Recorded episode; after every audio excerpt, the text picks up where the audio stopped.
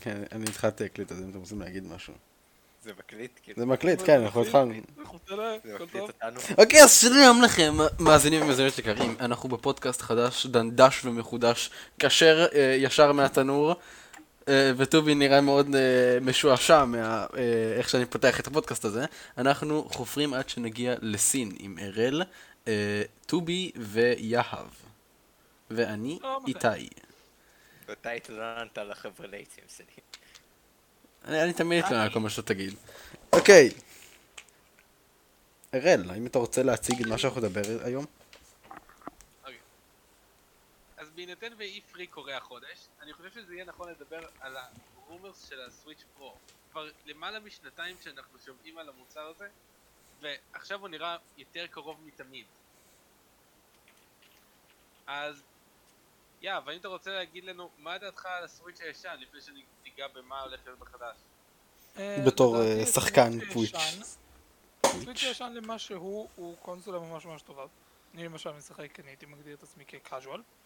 אז ל casual player הסוויץ' הוא קונסולה ממש טובה כי אני יכול גם לשחק איתה בבית וגם להוציא אותה החוצה. אז יכול להיות לשחק מתי שבא לי. היא מריצה את הדברים שאני צריך פחות או יותר בכמות הכי טובה שהיא יכולה, שזה מספיק לי. והאיכות בחיים לא הייתה בעיה בשבילי אז כאילו כמו שהסוויץ' עכשיו זה קונסולה מושלמת בשבילי, כאילו לא הייתי יכול לבקש משהו יותר טוב מהסוויץ'. אבל הסוויץ' פרו אכן נשמע מעניין. מה, מה, מה אנחנו יודעים באותו הסוויץ' פרו? כי אני, אני אישית לא יודע כלום עליו. כן, אני, שנייה לפני שניגע במה, איך חידשו בסוויץ', אה, כאילו אמורים לחדש את הסוויץ' פרו, אני רוצה שנייה לגעת במה מייחד את הנינטנדו סוויץ'. אנחנו בתקופה שבה יש כמה חברות קונסולות מובילות. יש לנו את האקסבוקס, יש לנו את הפלייסטיישן. למה הסוויץ' דווקא אה, בולט בצורה מיוחדת? תמיד משווים בין האקסבוקס לפלייסטיישן למחשב. אף פעם לא משווים את הסוויץ' שלהם, הוא כאילו דרגה משלו. אה, טובי, אה, יש לך תיאוריות למה זה? זה כי אנשים לא אוהבים את נינטנדו. ת- תמיד, נינטנדו זה, תמיד התייחסו אליו בתור הקונסולה לילדים. הכבש, הוא כבשה שחורה, כזה, הייתי אומר. כן, הכבשה אה, לא הייתי השחורה. קורא לו כבשה שחורה, דווקא נינטנדו כבר מזוהים, במיוחד בדור הוותיק יותר, בתור החברה למשחקי מחשב. בדיוק, אה, אבל כאילו... עם הזמן אני תמיד שומע. אנשים שאומרים שתמיד התווכחו אה, בבתי ספר שלהם מה אתה משחק פלייסטיישן או אקסבוקס. אף אחד אף אחד לא דיבר על נינטנדו. אה, אני מסכים איתך, היה תקופה מאוד קשה לנינטנדו, ואני שמח שהם חזרו. מאז ה-Wii U היה קשה להם למצוא נקודת מכירה. אני חושב שזה בעיקר בגלל שנינטנדו בדרך כלל מפגרים בדור. כאילו, זה פשוט מרגיש לי כאילו זה, זה הקטע של נינטנדו, הם בעיקר משחקים לא. תמיד היה ככה.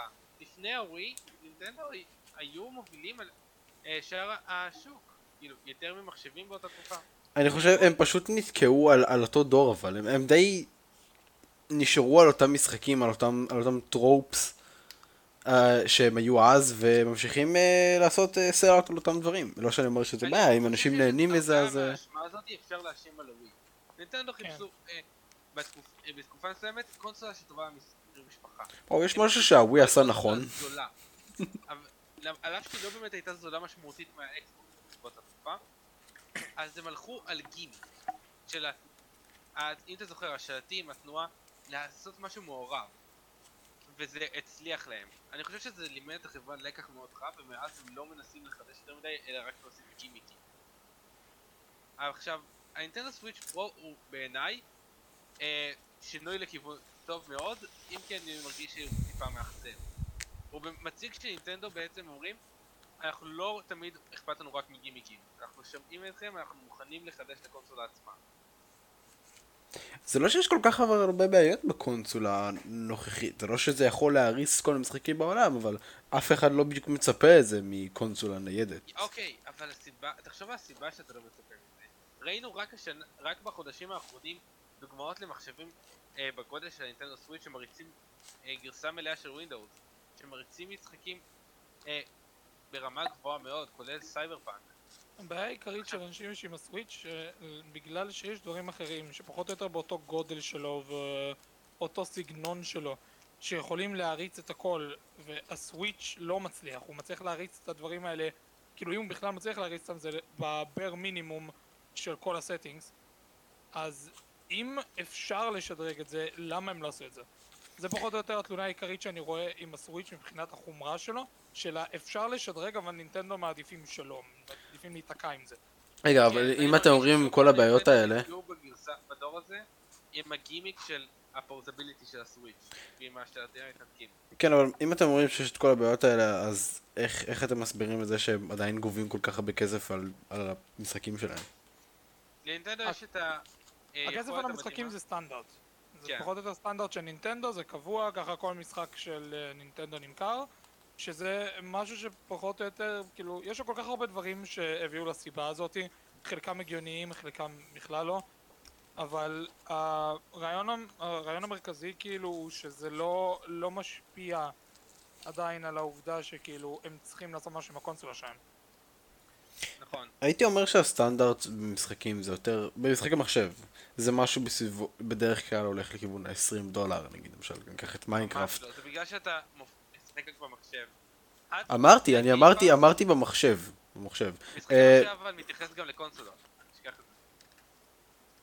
אה, כן, אבל אה, שנייה רגע, במשחקים בדרך כלל של פלייסטיישן או של אקסבוקס, זה בקלות עובר את המאה ואת המאתיים במשחקים מסוימים. נינטנדו נשארים פחות או יותר על אותו מחיר, וזה הולך לרע ולטוב. יש משחקים שהיית משלם 60 דולר, יש משחקים שהיית אומר 30 לא הייתי משלם על זה. זה, זה תלוי אבל כמה אתה נהנה מהמשחק, כן, אבל עדיין זה נראה לי. שזה עדיין יותר מדי על זה משחקים לא מסוימים. בעיה. תלוי של- בבן אדם. אבל זה בעיה בקונסולות באופן כללי כי זו סביבה אה, סגורה. אותו דבר לגבי הסביבה של אה, אפל. בין אם זה iOS או אה, macOS. שהם כאילו משתלטים על, איך, על, על מה קורה במכשירים שלהם, מאיזה בגלל אפליקציות. שיש להם שליטה כל כך מלאה על איזה תוכנות ומת- ואיך ומאיפה אתה יכול להוריד, קל מאוד להגיד אתה חייב להשתמש בזה ככה וככה וככה ולשלם ככה וככה וככה. אין לך ממש ברירה, אתה לקוח שבוי. זה מרגיש כאילו אנחנו חותרים לכיוון רפרנס לשם שלנו, אה, חופרים עד לסין. או לגמרי. אני לגמרי, למה אמרת את זה? עכשיו להשחיל את זה יהיה פחות סמוב. כן, אז בוא נ- אתה הורס את האסליה, באמת. כן, אז בוא נחזור אחורה. הנינטנדו סוויץ' בעיניי, כשאני ראיתי אותה לראשונה, היה רעיון, היה קונסולה מדהימה. זה היה נראה לי השילוב המושלם בין חוויית המשחק של לשחק בסלון, לבין היכולת אה, לקום, לשחק בדרכים. כי בוא נדע באמת, למרות שבימים הראשונים של הסמארטפון היו מלא משחקים גימיקים כמו אנגרי ברד שבוודאי כולנו זוכרים, חוויית המשחק בטלפון די הידרדרה משמעותית בכל המובנים האפשריים. או במיוחד בפרסומות. הפרסומות שלהם עכשיו כל כך. נוראיות. כל 99% בן מהאנשים לא יכולים לעשות את זה. וזה אתה פשוט רואה מישהו קופץ. סופר כבשים שעוברים מסביב לגדר. הם אפילו לא קופצים מעל הגדר בשלב הזה. כן, כל בן אדם טיפה כסף פשוט הולך עכשיו ליוטיוב עם המשחק שהוא כנראה הכין באיזה ארבע דקות ופשוט משווק אותו בצורה מטורפת לגמרי שגורמת לי לחשוב אם המשחק חינמי מאיפה הוא מביא את הכסף. יא, אבל אני לא חושב שהוא בכלל לקח את זה בכלל מ... לא הכין את זה. אני חושב שבכלל לקח את זה מאיזה מישהו סיני בכלל. גם אופציה. צילם למישהו בפייבר. רואים, אפשר להשחיל רפרנס ל- ל- לשם שלנו. אבל אתה אומר את זה, או, ואז... אני אעשה את האשליה עוד פעם, אוקיי. אוקיי, טוב, חזרה אחורה. אראל, אולי הגיע הזמן שתספר לנו קצת על הרכיבים של הנינטנדו כן, פה. אז השינויים העיקריים שאנחנו שמענו עליהם כבר יותר משנה אה, בנינטנדו סוויץ' פרו מטפלים בכמה מהבעיות? המשמעותיות ביותר שהיו בגרסה המקורית. דבר ראשון, הולך להיות שדרוג חומרה משמעותי. מעכשיו הנינטנדו סוויץ' פרו כנראה יוכל לטפל במשחקים ב-4K אה, כאשר הוא מחובר לטלוויזיה. זה שינוי מתבקש בהתחשב בעובדה שכבר הקונסולות של הדור הקודם תמכו ב-4K. זה שינוי מתבקש בהתחשב בעובדה שהיו טלפונים שיצאו לפני הנינטנדו סוויץ' שיכלו להציג אה, תוכן ב-4K. הסוויץ' המקורי יכל בקלות לתמוך בזה, גם אם לא כל המשחקים היו רוצים ב-4K, או אפילו 4K באופן מלא. אני מרגיש שזה באמת שינוי מתבקש והגיע הזמן שנינטנדו יעשו אותו. מקובל, כן. השינוי מקובל מאוד, כאילו, יכל לעשות לפני זה, שזה טיפה מבאס, אבל זה טוב שהם עושים אותו נקודה, למה נינטנדו ידועים ב... לראות הזדמנות, לדעת שהם יכולים לקפוץ עליה, ולפספס כאילו לגמרי את ההזדמנות שלהם לקפוץ. כן. כן, אבל מה עם מבחינת, נגיד, יכולת עיבוד? אה, הם משתמשים בצ'יפים חדשים של NVIDIA ממה שהשמועות אומרות? ובוא נדע באמת, הצ'יפים של NVIDIA למכשירים ניידים מעולים בשנים האחרונות. משמע הסוויץ' יוכל לאבד משחקים בצורה יותר טובה? אז כן. אנחנו נראה יותר smooth performance. כן. אז אני יכול אבל לצפות להריץ אני את... לא אה, ראיתי את זה מהגיל פעם בתור כך אתה בעיה. תוכל. לאבד אותם באלף. אז אני יכול לצפות כאילו- לשחק אה, סבנוטיקה עוד מעט על הסוויץ' באיכות אה, מקובלת? משחקים כמו אני לא הייתי סבנוטיקה פונה את על זה האמת לא שמשחקי אופן נפגעו. וורד יוכלו לרוץ ב-4K באופן חלק. אני מאמין שמה שהם יעשו זה יהיה אה, שימוש אגרסיבי באלגוריתם, באלגוריתם למידה חכמה של אינווידיה. כלומר, משחקים ירוצו ברזולוציה נמוכה יותר ויעברו ל-4K כמעט באופן מושלם על ידי למידה אה, ממוחשבת. כאילו, artificial intelligence. אה, מה באת להגיד יהב? אה, אני לא חושב שמשחקים כמו סבנוטיקה נגיד אה, ממש יושפעו כאילו מה- מהבד יותר חזק. כן כאילו זה ישפיע טיפה ויגרום לחוויה להיות דומה למחשב. אני לא חושב שנגיע לכאילו ממש כמו המחשב כי נגיד ראיתי סרטון השוואה בין סבנוטיקה לסוויץ' וסבנוטיקה במחשב וההבדל העיקרי היחיד שהם יכולים ליצור חוץ מכמובן הגרפיקות אבל כאילו מה תעשה לגבי זה? זה עדיין נראה יפה פשוט פחות יפה ממה שזה היה למחשב אמ, זה העובדה שדברים שנטענים נגיד לוקח להם הרבה הרבה זמן להיטען למסך אז זה כן יעזור טיפה ב... באזור הזה אבל אני לא חושב שזה יתקן לגמרי את הבעיה לסוויץ' תמיד יהיה את הטיפה טעינה איטית הזאת כן, אבל הפתרון. של טעינה איטית גם קשור לאם הם החליפו את ה... אה, אתה יודע, את ה-SSD, כאילו, איפה ואת הרם, כאילו, האם הגדילו אותו או לא. נכון. כרגע לא שמענו כלום לגבי אה, שינויים בתחום האחסון. כן, אה, הליקס. היו די, מצומצמות וחוזרות על עצמם בחודשיים האחרונים. כן. קיבלנו את אותו מידע במשך חודשיים וכל פעם היה כתוב שזה. מידע חדש.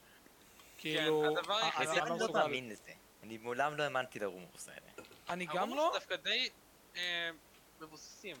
אני גם לא רק בגלל העובדה שכאילו זה מוזר לי שנינטנדו ישחררו עכשיו עוד קונסולה שתהיה שונה מהקודמת בזמן שיש להם כל כך הרבה משחקים שהם אמורים לרוץ נגיד על הנינטנדו סוויץ' אז כאילו האווירה מהנינטנדו סוויץ' לנינטנדו סוויץ' פרו צריכה להיעשות כאילו ממש מעט זמן אחרי זה הם לא יכולים לבזבז אחרי אה, הרבה זמן כי אחרת אף אחד לא יקנה את הקונסולה אם שניהם יכולים להריץ אותו אה, דבר לא, אבל העניין הוא שהאיכויות שונות. ה- עוד שניה נעבור לשינוי השני המשמעותי שיש בפרו, שבעיניי אולי אפילו יותר טוב מהמעבר ל-4K, אבל בוא נחזור אחורה. אה, שמענו שמועות מכמה מפתחי משחקים שנינטנדו הוציאו כלים בשביל להמיר משחקים קיימים לסוויץ' לאיכות של 4K. כאילו נכון. בנוסף. אה, אני חושב שזה באופן חד וחלק מסמן שנינטנדו מתכננים מעבר באיזושהי נקודה לאוטפוט 4K. כן, זה ברור, זה, זה כאילו שלב שאפשר לצפות אותו מראש, רק בגלל ש... טוב, כולם עושים את זה, אז יהיה הגיוני שגם נינטנדו יעשו את זה. פשוט הזמן. שבו הם עושים את זה, הוא מה שגורם לי טיפה לא להאמין לזה. כי הזמן פשוט מרגיש לא נכון, זה מרגיש כאילו הם... הסוויץ', למרות שהוא קיים כבר איזה... כמה, ארבע שנים טובות? הוא עוד לא מילא את התוחלת חיים המלאה שיכולה להיות לו. כאילו, אני או, מרגיש שהוא יכול לרוץ... אבל אני חושב שדווקא הזמן הזה הוא בדיוק מושלם ואני אסביר גם למה. הסוויץ' קיבל דח, אה, כאילו, אה, קיבל פשוט בוסט מטורף בזכות הקורונה. הרבה אנשים נתקעו בבתים והשקיעו הרבה כסף בלקנות קונסולות משחקים. לא רק... נכון, אנימל קרוסינג מחר יותר מדי. יותר מה שאמור. אתה אוהב כן. לרדת על אנימל קרוסינג. עכשיו, תקשיב, זה מוזר לי. בוא נדע באמת, הקורונה אה, עומדת להיגמר באיזושהי נקודה. ועכשיו זה נראה שברחבי העולם אה, זה יפסיק להיות אה, בעיה אמיתית תוך כמה חודשים בודדים. נכון? עכשיו, גם אם אה, נינטנדו הולכים לה, להכריז על נינטנדו סוויץ', הפרו כמובן, ייקח לפחות עד דצמבר עד שהם אה, ישחררו אותה לקהל הרחב. זאת אומרת שהקונסולה הזאת תבוא כבר כנראה אחרי שהקורונה תיעלם. אנשים כבר יתחילו לצאת שוב מהבתים ואני מאמין שהרצון לקנות את הנינטנדו סוויץ' ירד. כי מגיעה נקודה שבה קהל היעד שלך הולך ומצטמצם בגלל כמות האנשים שכבר קנו וגם בגלל שהעניין בלקנות קונסולה הולך ויורד. עכשיו. אה, קונסולה חדשה במיוחד בזמן לחגים, אתה יודע, כריסמס, חנוכה וכולי, כנראה יהיה מהלך חכם מצדם מבחינה כלכלית. זה ייתן סיבה למשתמשים. טובים. טובי, יש לי שאלה אליך. כן. אה, יש לנו בהרבה קונסולות אחרות אה, עכשיו שמוציאים אה, קונסולות חדשות, האקסבוקס 1 קיים כבר די הרבה זמן, אבל יש שמועות שיש עוד אחד in the making, ויש לנו עכשיו את הפלייסטיישן, כן, זה... אחרי ה-Series X? כן, אתה יודע, הם כל הזמן עובדים על דברים חדשים. לא מספיק בשביל, אתה יודע, אין להם מספיק בשביל ישר להוציא קונסולה חדשה, אבל הם תמיד מחפשים איפה אפשר להשחיל עוד. אה, ו... אה, אה, ונגיד עכשיו עם הפלייסטיין 5, אני בתור שחקן של פלייסטיין שמעתי לא מעט משחקים שהם אומרים רק לפלייסטיין 5. עכשיו, בתור מישהו ששילם לא מזמן על הפלייסטיין 4 שלו לפני שנתיים וחצי או שלוש, אני לא בטוח בדיוק כמה, שאני חושב, אני מרגיש שהפלייסטיין שלי עדיין לא, לא, לא שימש בכמות הזמן שכאילו שילמתי עליו.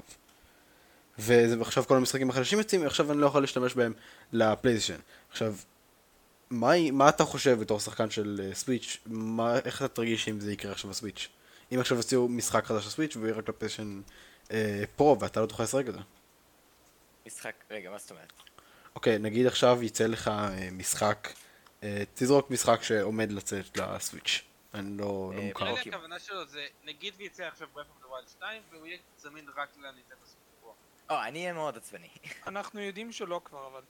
לא, אבל... Breath of the Wild 2 אושר שהוא יוצא לנינטנדו סוויץ'. נכון, אבל נראה לי הכוונה של איתי זה שלמרות שכרגע הכוונה של נינטנדו וההחלטות שלהם אומרות שגם אם יהיה גרסה חדשה זה יהיה קרוס קומפטיבל והליקס מאשרים את זה הוא מדבר בעולם עתידי שבו המשחקים לא יוכלו לרוץ על החומרה הישנה של הסוויץ' האם לדעתך אתה תהיה עצבני אם יצאו משחקים לאט לאט שיהיו רק לפרו? זה תלוי כמה זמן ייתנו לפני. אם נגיד ייקחו, אני לא יודע, איזה שנה וחצי, לפני שמשחקים לאט לאט יתחילו לעבור לפרו, אני לא אכעס, כי הסוויץ' שלי יהיה כבר בין איזה חמש וחצי שנים, וכבר הגיע השלב שבו אתה כבר חושב לקנות קונסולה חדשה, כאילו... אצל נינטנדו זה נראה, אני רוצה להגיד טיפה מובן מאליו, שאם אתה קונה קונסולה, אתה לא צריך להחליף אותה לאיזה מלא מלא זמן, כי הרווח שיש להם בין קונסולות שונות הוא די גדול, כאילו, תוחלת חיים של ה-3DS הייתה כל כך גדולה ופתאום ביום אחד פשוט זה נגמר אז אני מרגיש שגם הסוויץ' באיזשהו שלב כאילו יצטרכו להתחיל לעשות לו פייד אאוט כדי שהמודל החדש יוכל להתחיל לצאת ולדבלופרס יהיה יותר חופש להכין את הדברים שהם אה, יכולים אה, כאילו להשתמש בכלים המלאים של הסוויץ' עם החומרה החדשה שלו עם המעבדים החדשים שלו עם הכל. אני חושב שזה אוקיי, מוקדם מדי בשביל זה עדיין. כן. אני חושב שהסוויץ עוד לא ריצה את חייו, לפי דעתי. אנחנו נגיע למיצוי חייו אה, בהמשך, אבל אני רוצה לשאול אתכם שאלה אה, לטובי ויאב, שלכם יש יותר ניסיון עם הסוויץ' ממני. אתם כן. בוודאי יודעים על משחקים שלא הגיעו מעולם הסוויץ' בגלל הגבלות חומרתיות, נכון? אפשר לדעת שלא. לרוב שאני מסתכל על משחקים שלא הגיעו לסוויץ' זה פחות החומרה שהבעיה, יותר הבעלים של המשחק. כאילו, אני לא חושב שהיה מצב שבו רציתי משחק על הסוויץ' והבעיה, והבעיה הייתה שהוא לא יכול לבוא בגלל חומה.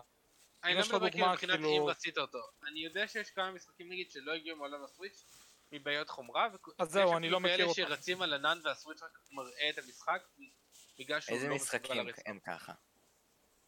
אני יודע שיש שניים אה, כרגע בסטור שמשתמשים ב... אה, בת... כאילו בהרצה על ענן, ויש כמה שמעולם לא עברו לסוויץ' בגלל ההגבלות האלה. עכשיו... איזה משחקים? בטוח שהם קיימים, אנחנו ניקח את העובדה הזאת ונמשיך כי אני לא מכיר את השמות שלהם ואין אוקיי, אבל בוא ניכנס בעולם היפותטי עכשיו, שבוא נודה באמת, הסוויץ' לא מסוגל להריץ משחקים מסוימים, בגלל כוח... אה, נכון. עיבוד מאוד. זה ברור אה, מאליו. נניח ויוצא הנינטנדו סוויץ' פרו, האם אתה תכעס שמשחקים אה, אני אקרא להם במרכאות ישנים, כי לא באמת ישנים מבחינת הזמן שהם יצאו בהם, אלא פשוט לא הגיעו מעולם הסוויץ', יצאו מחדש רק לפרו, בגלל ש... כאילו מיד עם ההשקה שלו.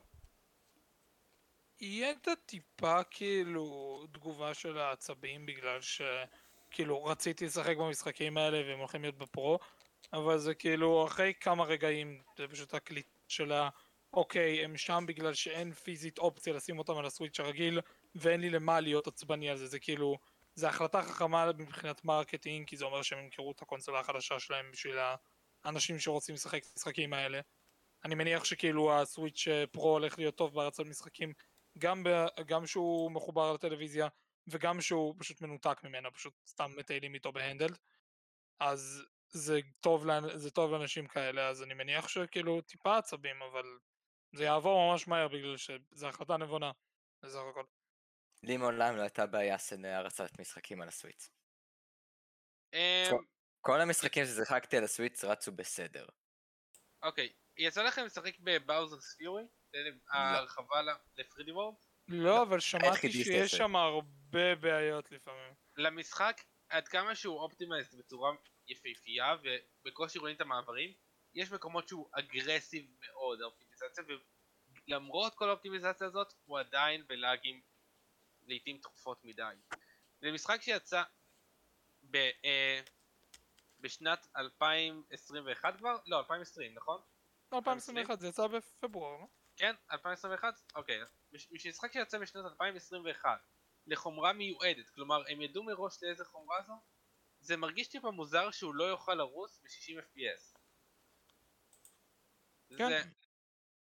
עכשיו, אם אתם חושבים שלנינטנדו סוויץ' פרו אה, יתקן את הבעיה הזאת, או שהם לא ירצו לתקן אותה באופן חד משמעי, בשביל לא ליצור הפרדה בין ה- המחזיקים של הגרסאות השונות. אני חושב שזה יפתור את הבעיה הזאת עקב העובדה שבכל הרעיון של הסוויץ' פרו, כאילו עד כמה שאנחנו יודעים הוא לא הולך להיות כזה שונה מהסוויץ' המקורי מבחינת המראה החיצוני שלו וכל שאר הדברים האלה. אנחנו כנראה עדיין נוכל לחבר את הג'ויקונים הרגילים של הסוויץ', אולי לא לצדדים של הקונסולה אבל לקונסולה עצמה, אז ההבדלים הרציניים יהיו בחומרה. ואם אחד מההבדלים שהם יכולים לעשות בחומרה לא יהיו שם, אני מרגיש כאילו אנשים מאוד מאוד יתאכזבו מהמודל הזה. אם יש להם את האופציה לגרום לכל משחק עכשיו לרוץ כמו שהוא צריך ב-60 FPS עם כל שאר הדברים שבאים ביחד עם הסוויץ' פרו, אנשים הולכים מאוד להתאכזב שזה לא עושה את זה, כי הם פחות או יותר הולכים להגיד שהם פחות, הם קנו קונסולה שאמורה להבטיח את הטוב ביותר, אבל היא עצרה פשוט באיזה נקודה ולא הגיעה לטוב ביותר שיכולה לעשות. אז אתה אומר שלמרות שזה ייצור אה, חלוקה בין המשתמשים של הסוויץ', הנינטנדו לא ילכו על הדרך של להגביל ביצועים למשחקים קיימים. לא. זה תהיה החלטה נועזה ונראה איך... בעצם נראה איך זה יקרה, כי אנחנו רק משערים פה כמובן. עקב העובדה שהסוויץ' עצמו הייתה החלטה נועזה, אני חושב שהם הולכים פשוט להמשיך עם הטרנד של לנסות משהו ולקוות שהוא יעבוד. כי נראה שהם עושים את זה מלא וזה פשוט עובד להם כל פעם. טוב, אה, למישהו יש עוד משהו להגיד על הסוויץ' פרו? שנעבור אה, כן? אה, בוא נעבור להבדל השני המשמעותי ביניהם. על פי הליקס השונים, לסוויץ' פרו אמור להיות מסך, אה, המסך כאילו הקטן שלו הולך להיות מסך אולד. עכשיו, יש לזה כמובן כמה יתרונות וכמה חסרונות. הראשון מביניהם הוא איכות צבעים מעולה, במיוחד בתחום השחורים והצבעים הכהים יותר. והיתרון השני הוא אה, חיסכון משמעותי בחיי הסוללה. עכשיו, אין לנו יותר מדי פרטים לגבי איזה מסך, מאיזה חברה, אז זה רק אה, השערות, אבל אם המסך אולד יהיה מס... מחברה שיודעת לייצר אותם והוא יהיה איכותי, יש אפילו את האפשרות שהמסך יהיה בהיר יותר מהמסך הנוכחי, כלומר יהיה יותר נוח להשתמש בו אה, בחוץ. עכשיו, ההשלכות של מסך כזה זה יהפוך, זה שתיקונים לסוויץ' יהיו אפילו יותר יקרים מהיום, וכנראה שהמודל יהיה יקר משמעותית מהמודל הקיים. האם אתם חושבים שהם ילכו על מסך אולד אה, בסוף או שהליקס טועים? אה, אולד נשמע באמת אה, כאילו זה אה, יהיה פלוס מאוד גדול, אבל אתה אמרת שאם הם יבחרו מספק טוב, אה, כמו שאנחנו יודעים על הג'ויקונים שלהם, אה, זה יכול להיות באמת בעיה. נכון, אם הם יבחרו בספק רע זה יכול ליצור השלכות אדירות. קטע הוא שמבחינת הג'ויקונים לג'ויסטיק שהם מזמינים זה אותו ג'ויסטיק שכרגע גם הפלייסטיישן 5 וגם ה... זה, זה, כבר, זה לא עניין הספק, זה, זה את ניסוח לא, שלי המנגנון לא טוב, זה הסוג שונה, של. ה... זה, זה כאילו, זה. זה אותו סוג. אז הבעיות יהיו גם שם, הם יגיעו גם לשם, אבל אני מניח נכון, לכל שאקסבוקס ג'ויסטיק ופלייסטיישן אה, יטפלו לכל. ג'ויסטיק שאי פעם נוצר יש את הבעיה הזאת של. עכשיו השאלה אז- היא מתי היא מופיעה. אז זה, זה הקטע, אני לא חושב שכאילו זה משהו שצריך לשקול כאן עם המסך אולד. נראה לי שפה לא יהיה החלק שהם יפשלו. אבל כן ציינת מחיר יותר גבוה לסוויץ', וזה נראה לי יהיה בעייתי להרבה הרבה הרבה אנשים. כי כרגע הסוויץ' עולה כמה? 300 אה, דולר הם מסרפים. כן, 300 דולר. תוסיף לזה נגיד עוד כמה זה יעלה, זה 50 דולר? עם כל החלקים האלה? אני מש- משער שהם הולכים למכור את- את הסוויץ' פרו ב-400 דולר. כי הרי כיום כן, יש לנו את. הלייט ב-200 ואת הרגיל ב-300. אז זהו. עכשיו, אני לא מאמין שהם יורידו מחירים לרגיל, כי זה יהיה הפסד כלכלי בשבילם. האמת אני יכול לראות אותם עושים את זה. בכמויות. אני לא חושב, אם הם יורידו אותו, mark my words, לא פחות מ-250 דולר. זה הגיוני. אני מאמין שיהיו כן. הנחות. אני מאמין שיהיו הנחות זמניות, אה, בזמן- במיוחד בתקופת החגים הקרובה, אבל אני לא חושב שיהיה ירידה קבועה במחיר, לפחות ב- אה, בשנה הראשונה. הקטע הוא גם שכאילו, כפי שהסוויץ' פרו נראה עכשיו, לפי ה leaks, הוא.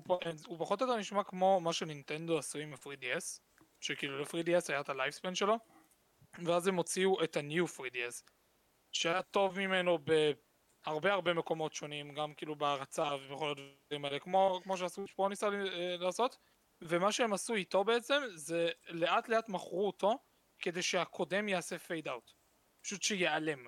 אז אני יכול לראות אותם, נגיד, מורידים את המחירים לסוויץ' הרבה הרבה פעמים, אפילו כאילו לתמיד, כדי שהם יוכלו לגמור את התהליך הזה יותר מהר ולעבור מהר יותר ל... נו, לקונסולה החדשה שלהם עם הכוח הרצה יותר טוב.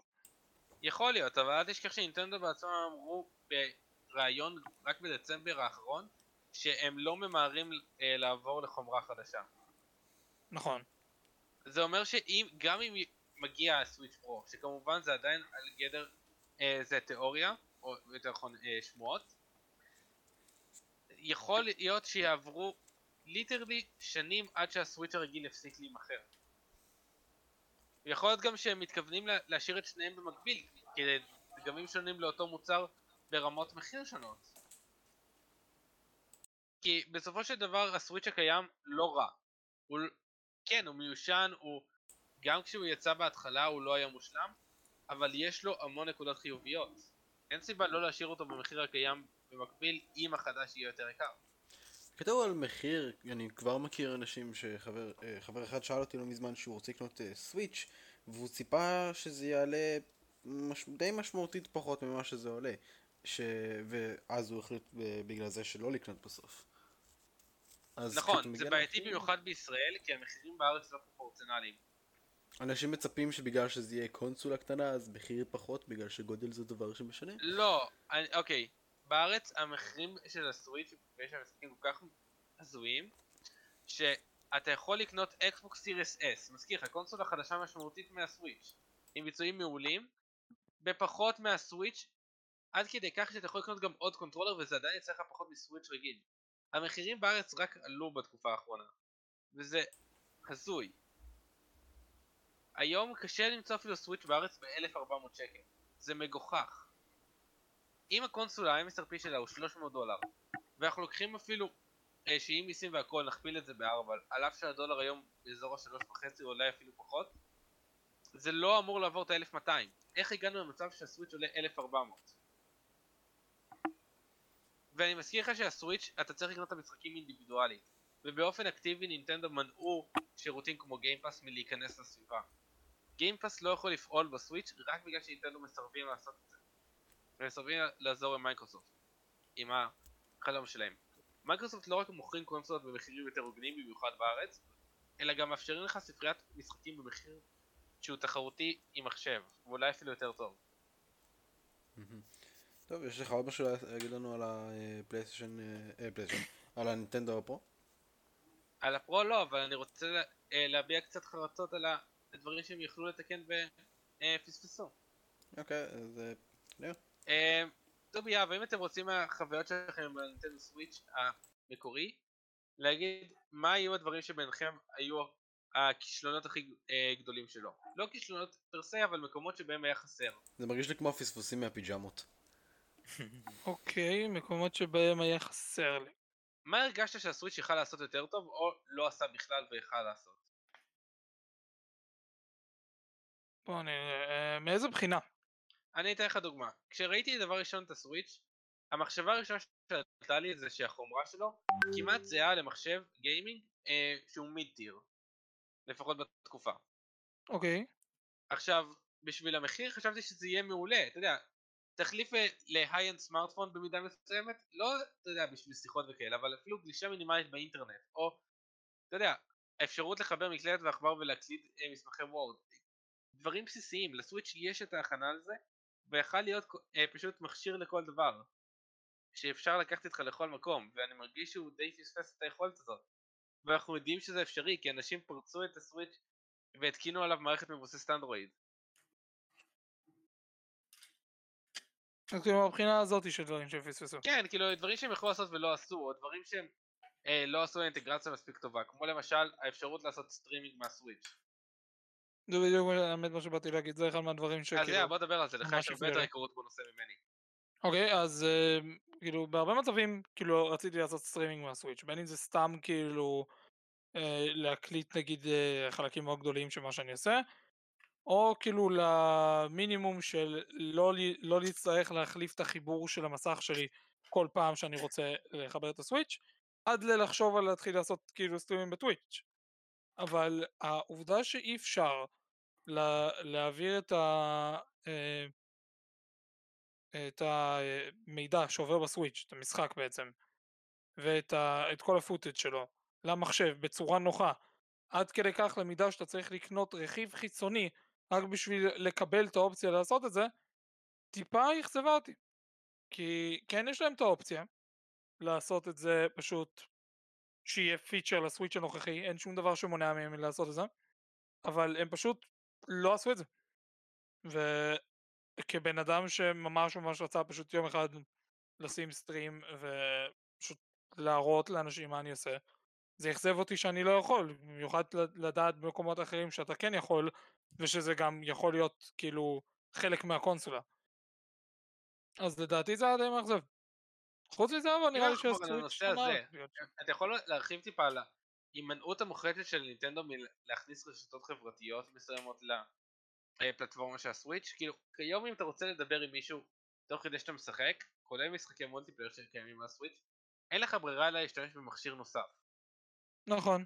זה לא נראה טיפה הזוי, במיוחד שאפילו נינטנדו בעצמם משווקים את הרעיון הזה במשחקים שלהם.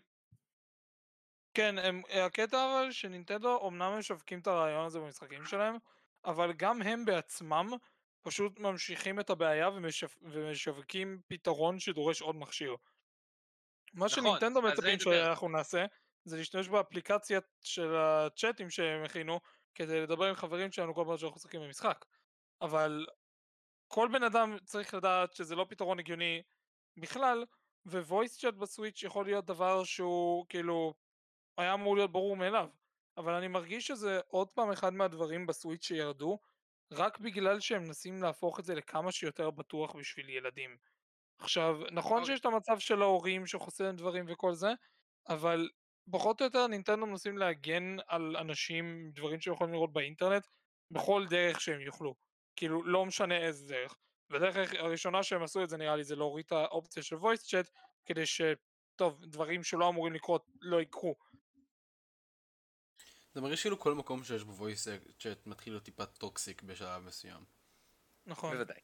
יכול להיות, אבל השאלה נשארת, האם נינטנדו לא היו צריכים לתת את האפשרות אה, לאנשים להשתמש ב-voice chats? אפילו להוסיף בחנות שלהם אה, את האפשרות שאנשים אה, שמפתחים צד שלישי יכנסו שם, למשל את דיסקורד. כן, אין סיבה, דיסקורד, דיסקורד לא נשמע. כמו תוספת מעולה לסוויץ'. כאילו, אני. חשבתי... חשבתי כאילו על העובדה ש... נו. אמ, נינטנדו אמנם לא יכולים לעשות אה, אימפורט לגיים צ'אט למשחקים שלהם כמו שאחרים עושים נגיד אה, כמו שהשוטר גיימס עושים שאתה פשוט נכנס ויש לך voice chat שם או כל הדברים האלה אבל לשים voice chat חיצוני שצריך לעבור הרבה הרבה שלבים כמו כאילו לאשר אנשים ולבחור עם מי אתה רוצה לדבר לפני שאתה באמת אה, עושה את אה, לפני שאתה באמת מתחיל אה, משחק או לדבר עם אנשים בעצם עוקף את כל הבעיה שיש לנינטנדו עם זה של לא ליצור סביבה בטוחה של ילדים כי כמו שאיתי אמר הדברים האלה יכולים להתחיל להיות טוקסיק די מהר אנשים שם לא כל בן אדם הוא הבן אדם החברותי שאתה תפגוש בכל מקום. בשביל אדם שאתה פשוט יכול לדבר איתו ואז הוא פשוט יתחיל לצרוח עליך, זה לא משהו שאתה רוצה לתת לילד עכשיו. אבל אם אנחנו משתמשים בדיסקורד, לבן אדם יש בחירה לגמרי עם מי הוא רוצה לדבר, וזה עוקף את כל הקטע הזה. זה עוד הזדמנות שאחרי נינטנדו פספסו. טוב, אה, אני רוצה להתחיל אה, לסכם את הנושא הזה, ואם אפשר בעיה. לעבור לנושא הבא שלנו. E3 מתקרב, ואני לא בטוח עוד כמה ימים. אה, עברי בעוד 11 יום מתחיל. נחמד, נחמד. אה, יש לכם איזשהו משחקים אה, שאתם אה, מצפים לי? אני יודע שאני מצפה לכמה, אבל אה, טובי, בוא נתחיל איתך. אוקיי, אה, קודם כל יש את כל מה שנינטנדו הולכים להגיד שם. מן הסתם זה, זה תמיד הדבר שאני הכי מצפה לו. אה, יש הרי את the Wild 2 שאני מצפה לחדשות ממנו. אה, מה שיש להם להגיד על פוקימון, כמובן ההכרזה על, הס- על הדמות הבאה בסמאס ברוז. זה מין, זה כבר מן הסתם סייע שם. אה, חוץ מנינטנדו, אה, אה, מעניין אותי, סוני, את האמת לא שם. נכון. סקוואר איניקס אני חושב יכולים להראות דברים מעניינים. יוביסופט מעולם לא היה לי ציפיות מהם. אלא אם כן פתאום, אחרי שנים של שתיקה, הם פתאום יגידו שהם מכינים משחק חדש של ריימן, למרות שאני בספק שזה יקרה. זה יכול להיות ממש מדהים, אה, עוד משחק זה יהיה, של זה יהיה אם יחיו את ריימן אחרי כל כך הרבה זמן שהוא היה מת. דמיין טובי, פשוט crossover. מקום רימייק לריימן 2 וריימן 3, אני אהיה עזוב, כל כך. שמח. crossover של ריימן ו-It Takes Two. זה יכול להיות מדהים. אה, מי- מייקרוסופט, אני מצפה שיגידו שם משהו על אה, State of Decay? Free. כן, הם משתתפים השנה. חשבתי שהם מוותרים על זה בגלל שהם רוצים ליצור כנס משלהם. אני די בטוח שהם משתתפים השנה. טוב, אנחנו נצטרך לראות, השנה לא פרסמו... אה, ליצור כנס אוקיי, משלהם. פרסמו. מייקרוסופט אוי. משתתפים. יש כן, לנו זה רשימה של. כל מי שמשתתף. כן. אז אה, סוני אמרתם שלא משתתפים, נכון? סוני לא משתתפים. סוני- סוני כבר אה, כמה שנים שהם לא משתתפים. כן, אני טיפה... חבל, ההכרזות שלהם היו יפות. החוזות שלהם היו ממש טובות. אני, אני ממש מצפה, אני מניח שאני אתגלה על זה ככה או ככה, אבל ציפיתי ב-A3 טיפה לשמוע על uh, חדשות לגבי הורייזון uh, Forbidden West. Uh, המשחק הזה עומד להיות ממש מדהים נראה ככה. לא נראה שהם שינו יותר מדי דברים באיך שזה נראה מזירו דון, אבל אין לי בכלל תנועה. זירו, uh, זירו דון נראה מהמם. לא משנה אפילו סטנדרטים של שלוש שנים אחרי. Uh, זה, כן, שלוש שנים גם זה לא הרבה אני מניח בשביל סטנדרטים בשביל להתחדש. Uh, אני ציפה לשמוע גם כמה דברים אולי על uh, God of War, אני לא בטוח, אבל אני, נראה לי הם עובדים על עוד משחק uh, בסדרה. אחרי המשחק כן. הקודם שנגמר רגנרוק. בטיפה... Uh, כן, אני לא רוצה. להגיד, קליפהנגר, כן, נקרא לזה ככה, קליפהנגר, קליפהנגר. God of War רגנרוק זה נקרא, זה הולך. אה, כן, אני לא רוצה להגיד שום דבר למי שרוצה לשחק, אבל מי ששיחק מבין על מה אני מדבר. אה, God of War היה משחק מדהים, אבל זה הרגיש לי טיפה שהעולם של God of War הרגיש ריק. כאילו, חוץ מה... אה, גם דוורפס הגמדים סוג של, שעשתה איתם trading, שפשוט עברו בין ממדים כזה בשביל לזוז ממקום למקום, זה לא, לא כל כך הבנתי איך זה עובד. אבל אה, חוץ מהם, המכשפה שביער והאלה שאתה נלחם בהם, שזה כאילו הסקלטונים שמתים, או הזומבים, כל מיני דברים כאלה, או מפלצות כאלה, פה ושם, או האלים האחרים שאתה נלחם בהם, אין באמת אנשים בעולם הזה, אבל מדברים על ממלכות, ויש מלא סיפורים מה... נורת'ן מיתולוגי, אני חושב, אני לא בטוח מאיזה מיתולוגי. גריק מיתולוגי, כן, זה. אה, אני מצפה לראות טיפה יותר חיים שם. גם האלפהיים נראה לי, שזה הממלכה של האלפים. אה, היו שם האלפים, אבל הם היו די טיפה קוקו. הם רק תקפו אותך וזהו. לא היה לך שום... אני ציפיתי לפחות לאיזה שיחה עם אחד, אולי, אולי, יהיה- אולי יהיה trader שהוא, אה, אה, שהוא אלף. שזה היה יכול להיות מעניין. אה, אז אני מקווה שהם יוסיפו אה, את זה. God of War אבל היה גם מאוד מאוד uh, קשה, היה לו difficulties מאוד מיוחדים ומעצבנים, אבל אני מניח שזה יש לכל המשחק. כן, ה-Give me God of War, אני זוכר שהם אמרו שזה difficulty אנשים שנאבקים בדובים בתחתונים שלהם. זה סוני אמרו, וזה טיפה, אני חושב שזה זה מאוד מצחיק. Uh, אז זהו, זה השני משחקים שאני ציפיתי, ועכשיו אני מאוכזב, כי נראה שהם לא יצטרפו השנה. מה... אה, אה, הנה רשימה של החברות שמשתתפות השנה, דרך אגב, אם אתם אה, צריכים reference. יש לנו את נינטנדו, מייקרוסופט, קפקום, יוביסופט, Take-Two Interactive, Warner Bros. Interactive Entertainment, Square Enix, סגה, Gearbox Software, Bandai Namco, ועוד מלא חברות, וקונאמי. מה עם EA? יש שמועות ש-EA גם הולכים להופיע למרות שיש להם את האירוע שלהם. אה, אם הם הולכים להופיע זה יהיה מוזר, כי... אם הם הולכים הנה, להופיע הם לא הוכרזו. כן, יש שמועות. כאילו... כן, יש להם, אוקיי, הנה, כתוב פה, יש להם event אה, אני- יש להם נפרד את ה-EA Play ביולי. נכון? ביולי, כן. איזה משחקים יש להם? אני יודע שיש להם את Far Cry החדש שמגיע. EA גם? עובדים, אה, EA הכריזו בשנה שעברה שהם עובדים על משחק Star Wars חדש, אבל לא אה, אמרו מהו או באיזה ז'אנר הוא. אני מאמין אבל שהוא יהיה בסגנון של Jedi Fallen Order. אני מאמין שהוא יהיה גרוע. וייקח ממך 800 שקל על DLC. ל-Jedi Fallen Order לא היה DLCs והוא היה 40 דולר ב-launch. נחמד? והוא single player לגמרי וה-story היה מעולה. אני עדיין לא סיימתי אותו, to be honest, ואני די עצוב שלא. הנה, יש פה רשימה של הדברים ש-EA עובדים עליהם כרגע. כן. אני אבל מעדיף. להתרחק מ-EA כי אני מרגיש שמלבד המשחקי Star Wars האחרונים שלהם, ובאחרונים אני מתכוון רק Squadrons ו-Fallen Order, אני מאוד מאוכזב מהם. אני יכול להיות מאוכזב שאני לבד בהרגשה הזאת? אבל אני מרגיש שההתנהלות של החברה באופן כללי הידרדרה עם השנים, והאיכות של המשחקים שלהם לא...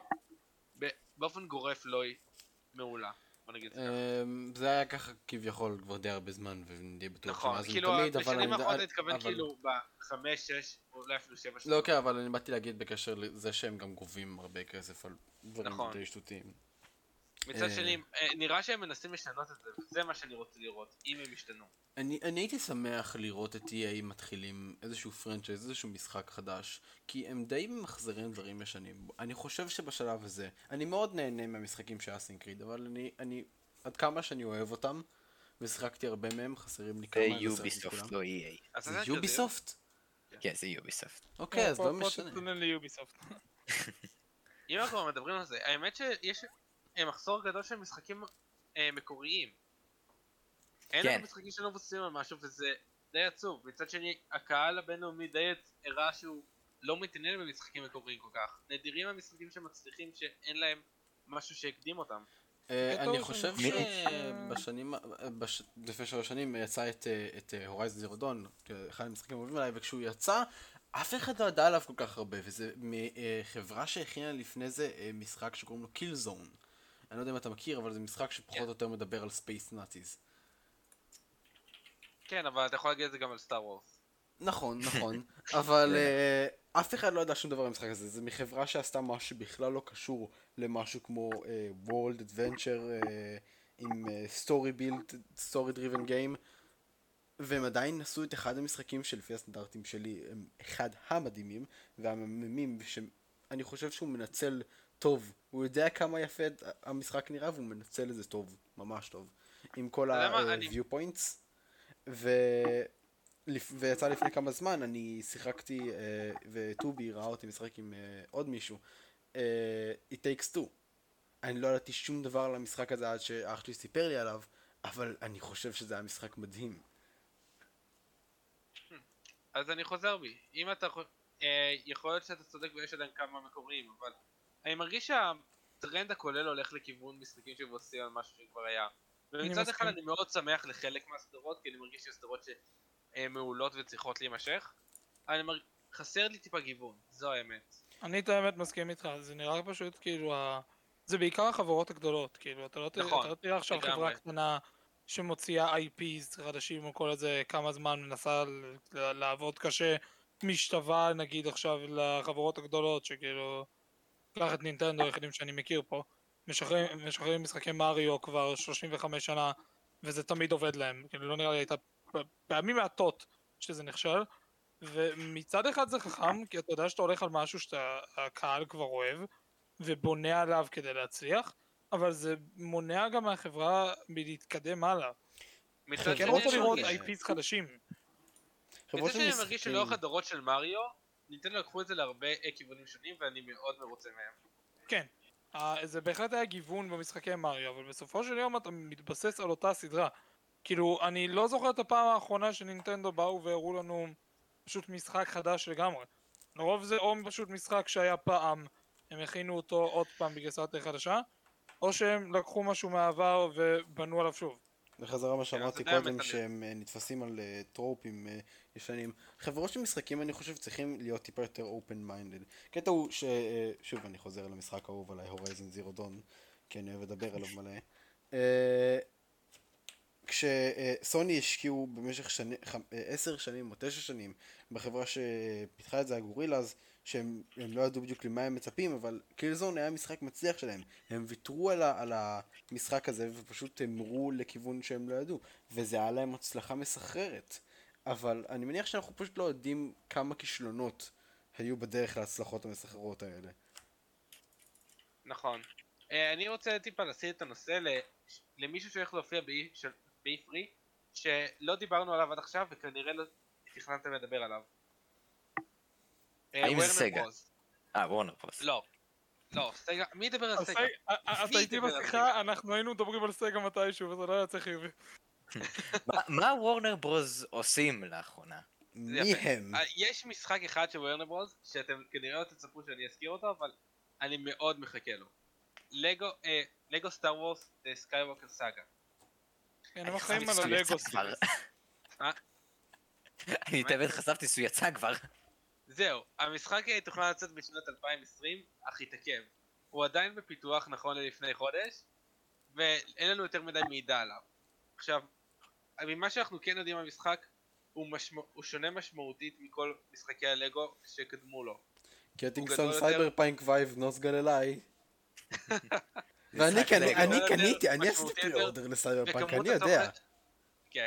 וכמות התוכן אה, שהיא קונפירם שיש בו כבר, כלומר כבר סיימו לפתח, זה לא כל עצומה. הטסט סרטים. אוקיי, אה, זה שמש- בינתיים. כן, זה כאילו. אוקיי, העלילה עוקבת אחרי הסרטים, אבל בכל משחק אה, לגו יש דבר ראשון את, העלילה המשנית, פלוס כל הבדיחות שהם דוחפים, זה נכון. וכמובן העולמות הפתוחים שיש אה, בסוף ובמהלך משימות. זה נכון. אז עכשיו, בדרך כלל במשחקי לגו יש עולם פתוח אחד גדול. אם למשל אני- נסתכל על Super Heroes או על Avengers, יש לך את ניו יורק סיטי. אני זוכר את הפעם הראשונה שאני שיחקתי משחק לגו עם עולם פתוח, זה פוצץ לי את המוח. זה כיף, ממש. כן, זה... זה- עכשיו- זה- לפני זה זה. אני הייתי משחק מלא בלגו הארי פוטר. זה היה המשחק לגו הראשון ששיחקתי. אה, הארי פוטר אין לו עולם אה, אזור פתוח. זה מאוד. לא עולם פתוח, נכון. בגלל זה אני הייתי רגיל כן. לזה. ואז משחק. שיחקתי, ואז שיחקתי ב... אני חושב שהמשחק הראשון ששיחקתי שיש עולם פתוח זה הלגו שר הטבעות. וזה פשוט המפה הענקית של מידל ארף, זה פשוט היה כל צריך כך. כיף. אף פעם לא שיחקתי. משחק של לגו.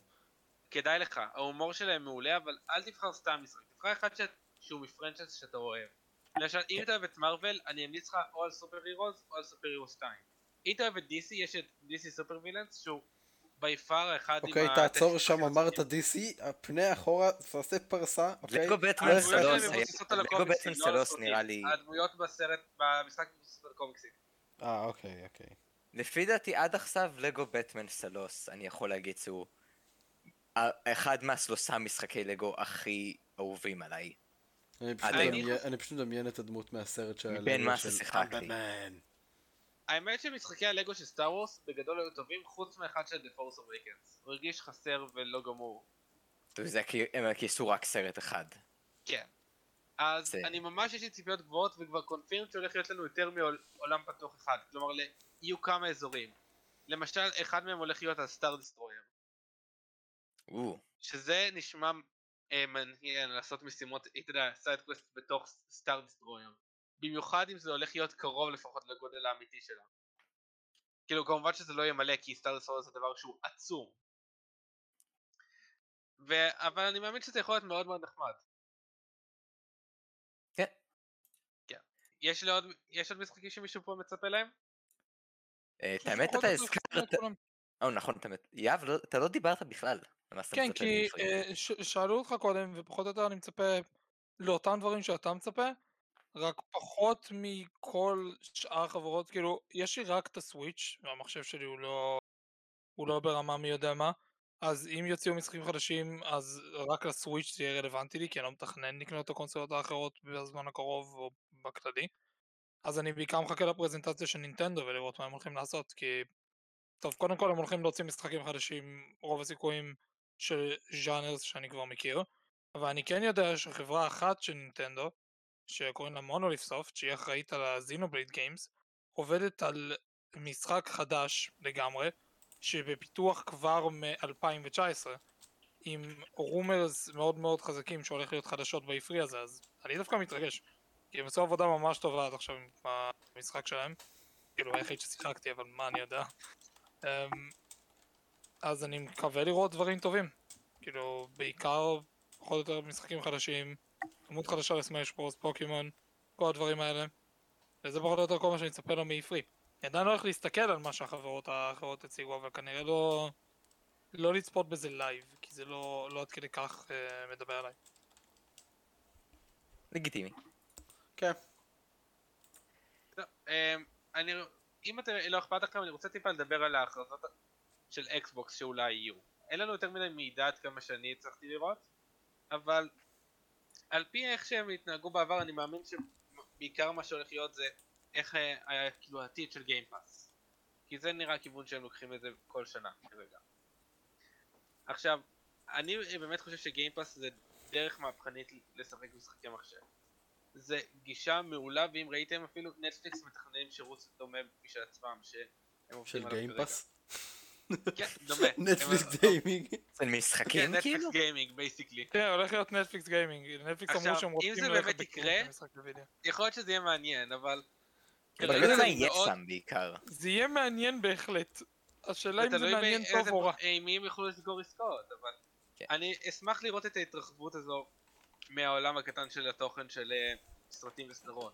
זה נחמד שנטפליקס יהפוך ל hub של אה, תוכן כללי, וקבלה של גיימינג כתוכן, כדרך צריכת תוכן חדשה. עכשיו, בוא נחזור שנייה ל Game Pass. אה, עד היום ה Game Pass זה בעצם אפשר לאקסבוקס אה, לבלוט בצורה שונה. פתאום אה, קונסולות הם affordable.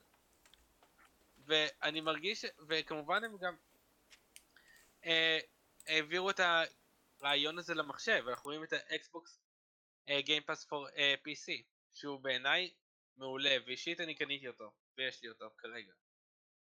אני ממש ממש אה, מחכה לראות אם הם יכריזו על משחקים חדשים, או לאיפה הם מתכננים לקחת את ה subscription הזה בעתיד. אני אשמח לראות אותו מגיע לעוד פלטפורמות.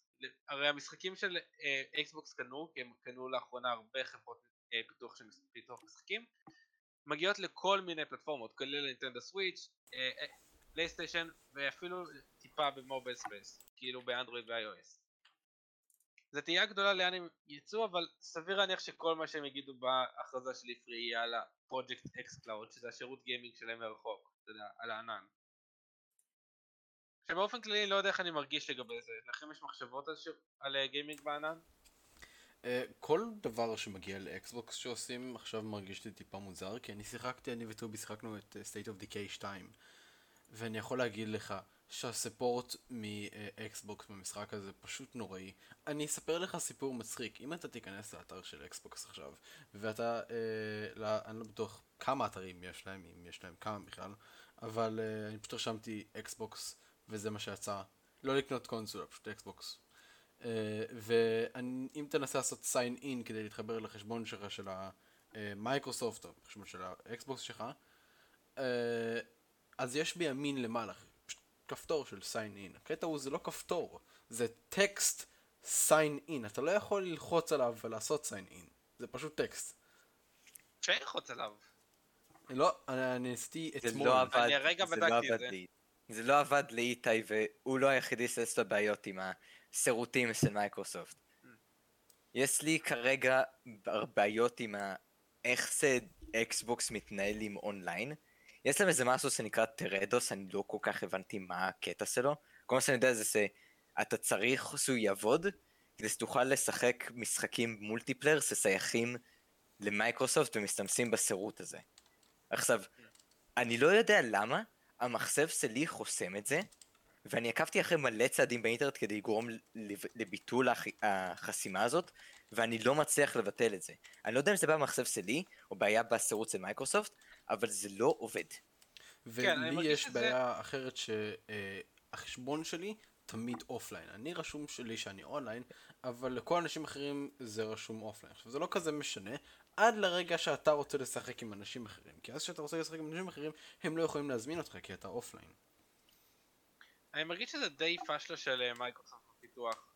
הזוויות של, אה, של המשחקים שלהם, בין אם זה אקסבוקס או ווינדוס, לא מושלמות, בוא נגיד את זה ככה.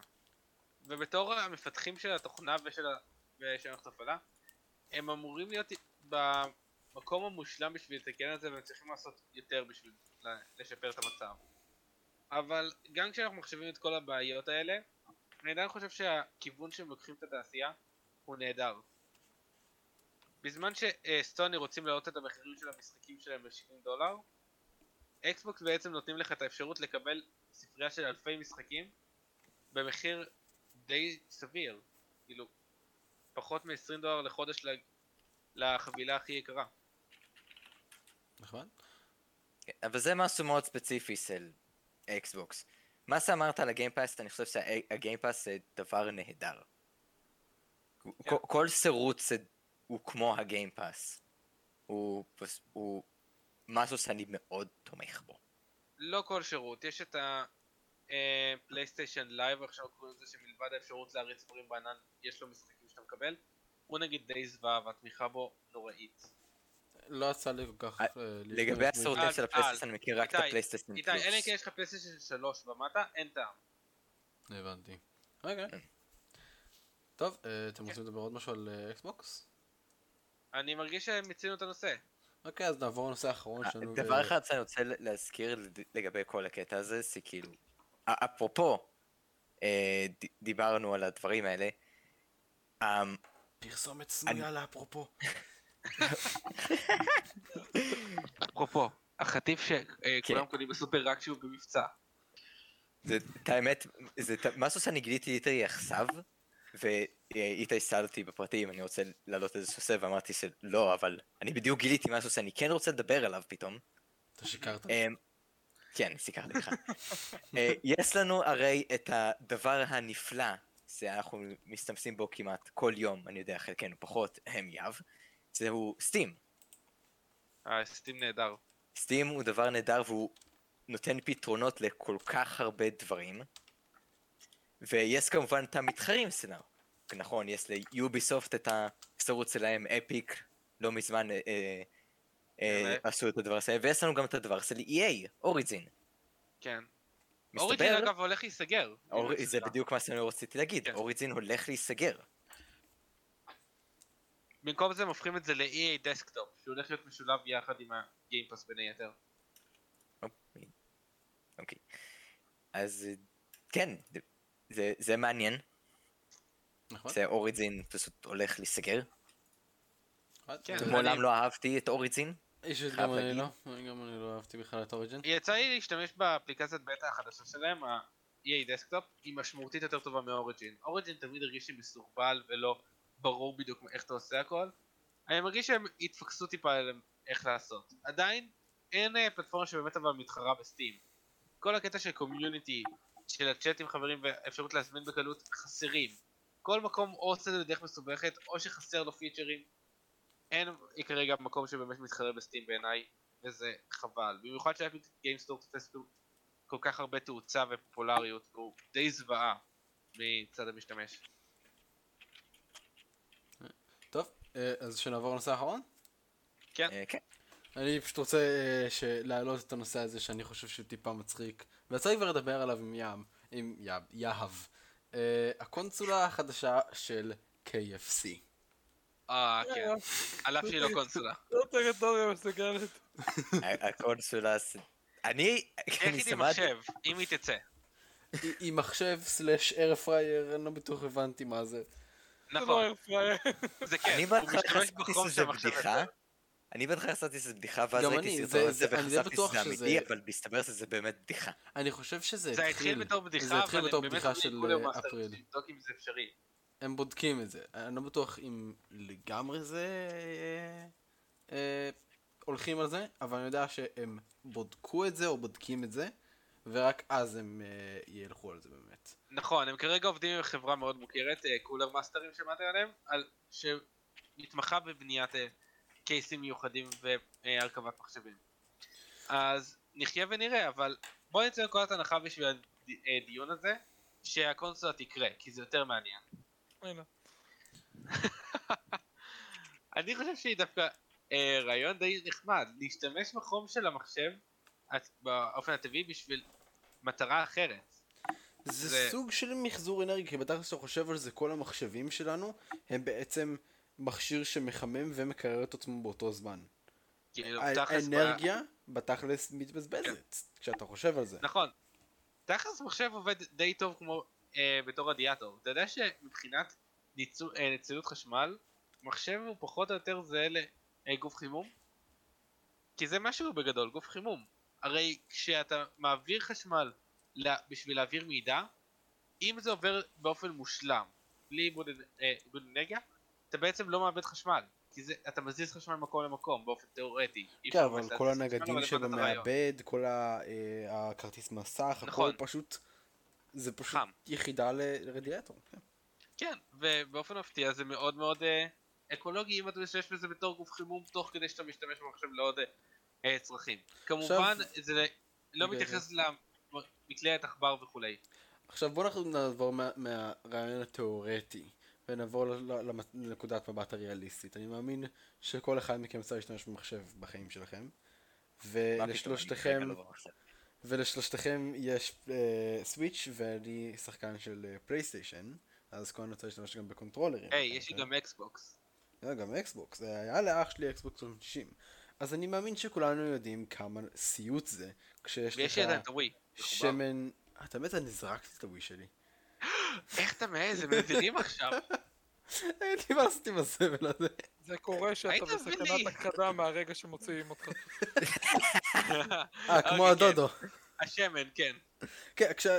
אני מאמין שכולנו יודעים את הסיוט של שמן יש לך על הקונטרולר או על המקלדת כשאתה אוכל משהו.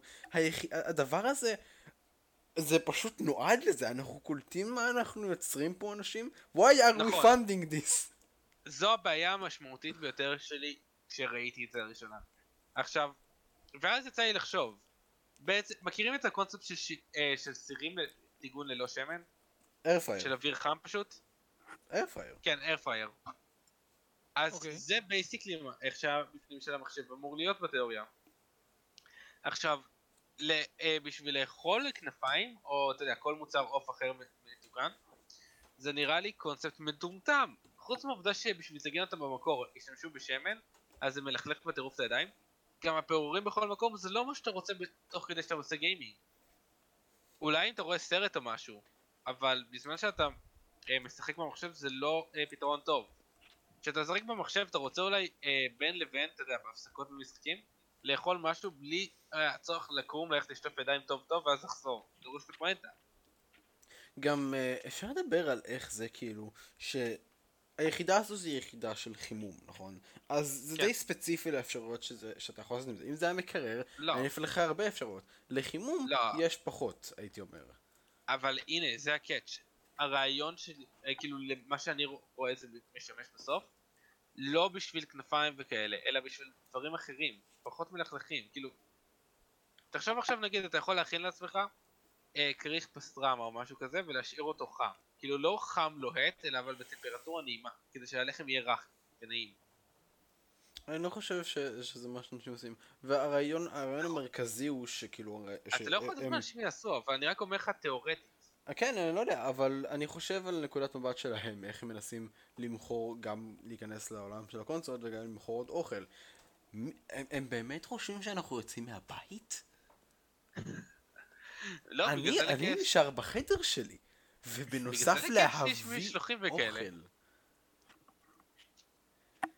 אגב, יכול להיות שזה רק אני, אבל KFC בארץ בעיניי לא כזה מוצלח. או הוא בכלל לא מוצלח. אני אה, הוא מאוד מאוד לי לאכול מנוח. פעם אני אחת איתך, שכחתי אראל.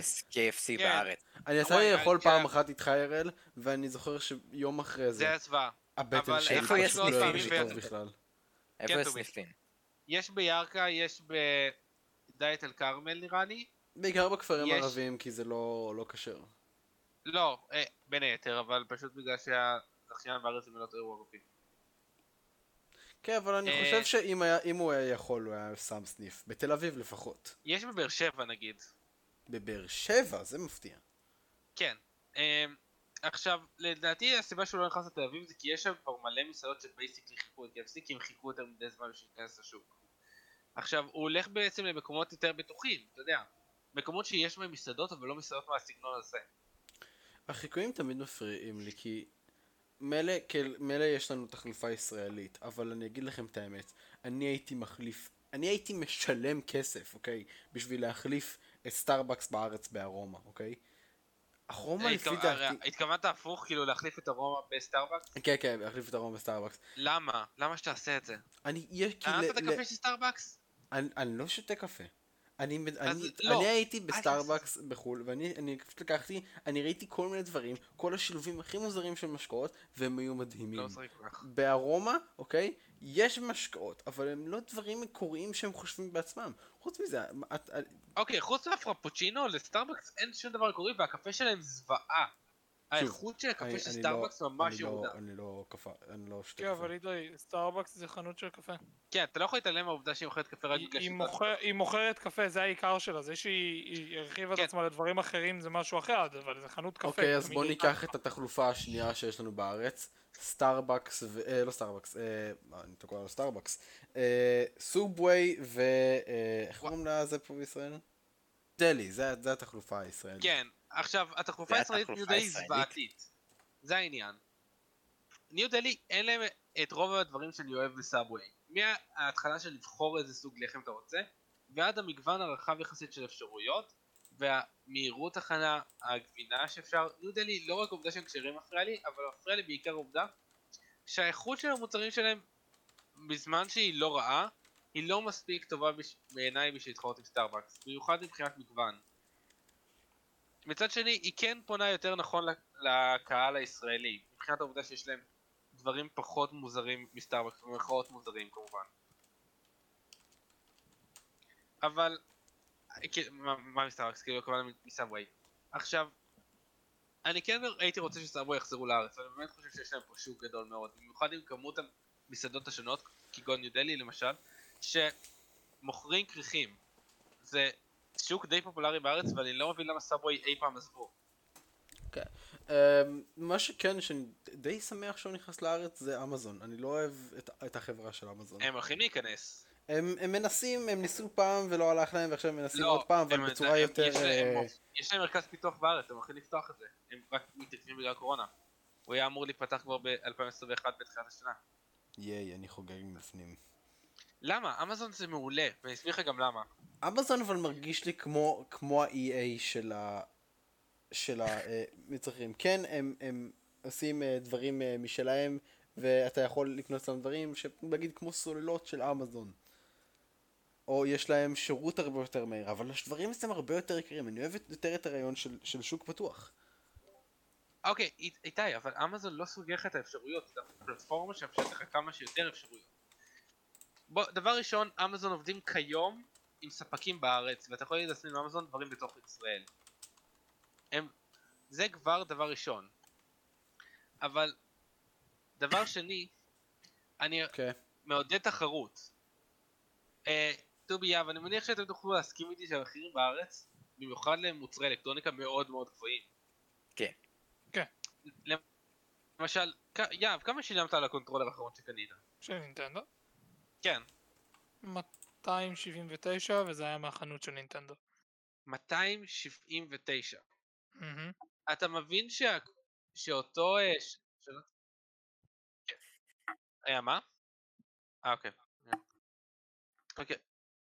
אתה מבין ש-279 שקלים זה המון. אתה חושב כן. שהשלט עולה בארצות הברית 60 דולר, נכון? שזה 200 שקל, מה ששילמתי בדיוק. 79 עכשיו- שקל יותר על השלט הזה. יפ... אוקיי, בוא נתחשב שנייה בעובדה שיש מע"מ גם, אז נגיד אתה משלם באזור ה-230. שזה טיפה יותר לדעתי, אבל עדיין. נכון. אתה בעצם אומר, אני משלם 230 שקל, אה, אם לו הייתי קונה את זה במחיר הברית, כלומר המחיר שנינטנדו עצמם משווקים את זה, ומוסיף את המס אה, בארץ. נכון. יצא לי ייתכן שאתה משלם 270. אתה מבין? אתה, יכול להגיד שזה קשור למשלוחים וזה, אבל בסופו של דבר השלטים לא מיוצרים בארצות הברית. ובכל שאר העולם הם נמכרים במחירים די דומים. בארץ יש נטייה להרבה מוצרים להגיע למחירים הזויים לחלוטין, בגלל שאין לך ברירה, השוק סגור. אתה מבין בעצם מה אני אומר, יאב, שהעובדה שהשוק סגור מעלה מחירים בארץ, במיוחד המוצרים שלא מיוצרים בו. עכשיו, אוקיי. איתי, אתה בוודאי מסכים איתי גם אם אתה מתנגד לאמזון, שאמזון יפתחו את השוק במידה מסוימת, כי הם יאפשרו ליצרנים וספקים חיצוניים מחו"ל להביא לארץ בלי ליצור תשתית בארץ. כן. עכשיו, אתה יכול להגיד שזה יעלה אולי בעבודות בהתחלה, כי אה, מקומות קטנים יותר בארץ יהיו חייבים להיסגר כתוצאה מחוסר יכולת להתחרות במחירים. אבל האם אתה באמת יכול להאשים את אמזון על זה שהם עושים את הברירה הטבעית הכלכלית?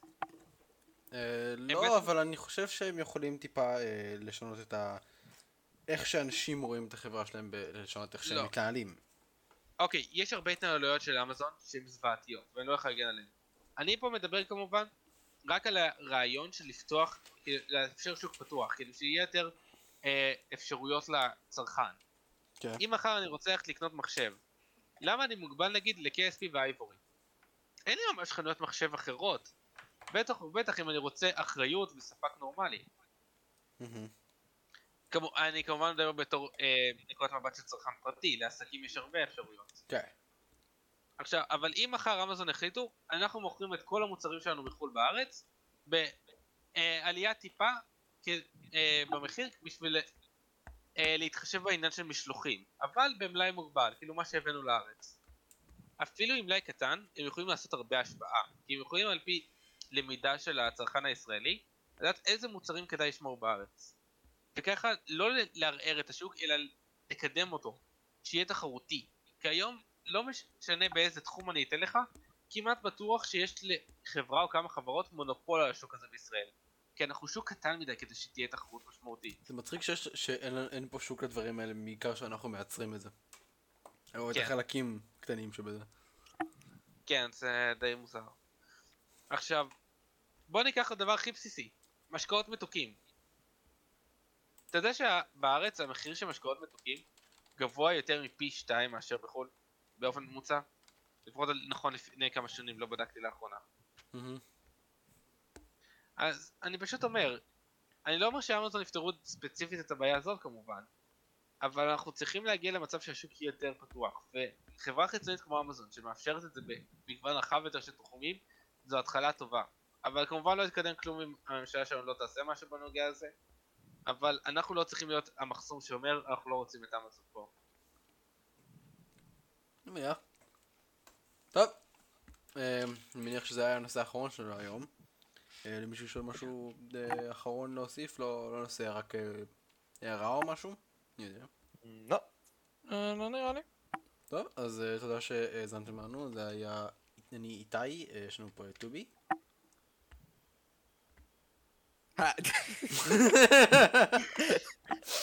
טובי נכון, שמבין מתי-. טובי מתי ש... כן. יהב שלום. ואת אראל. להתראות, יא טמבל. נתראה בפעם הבאה. אה, אנחנו היינו אה, חופרים עד לסין.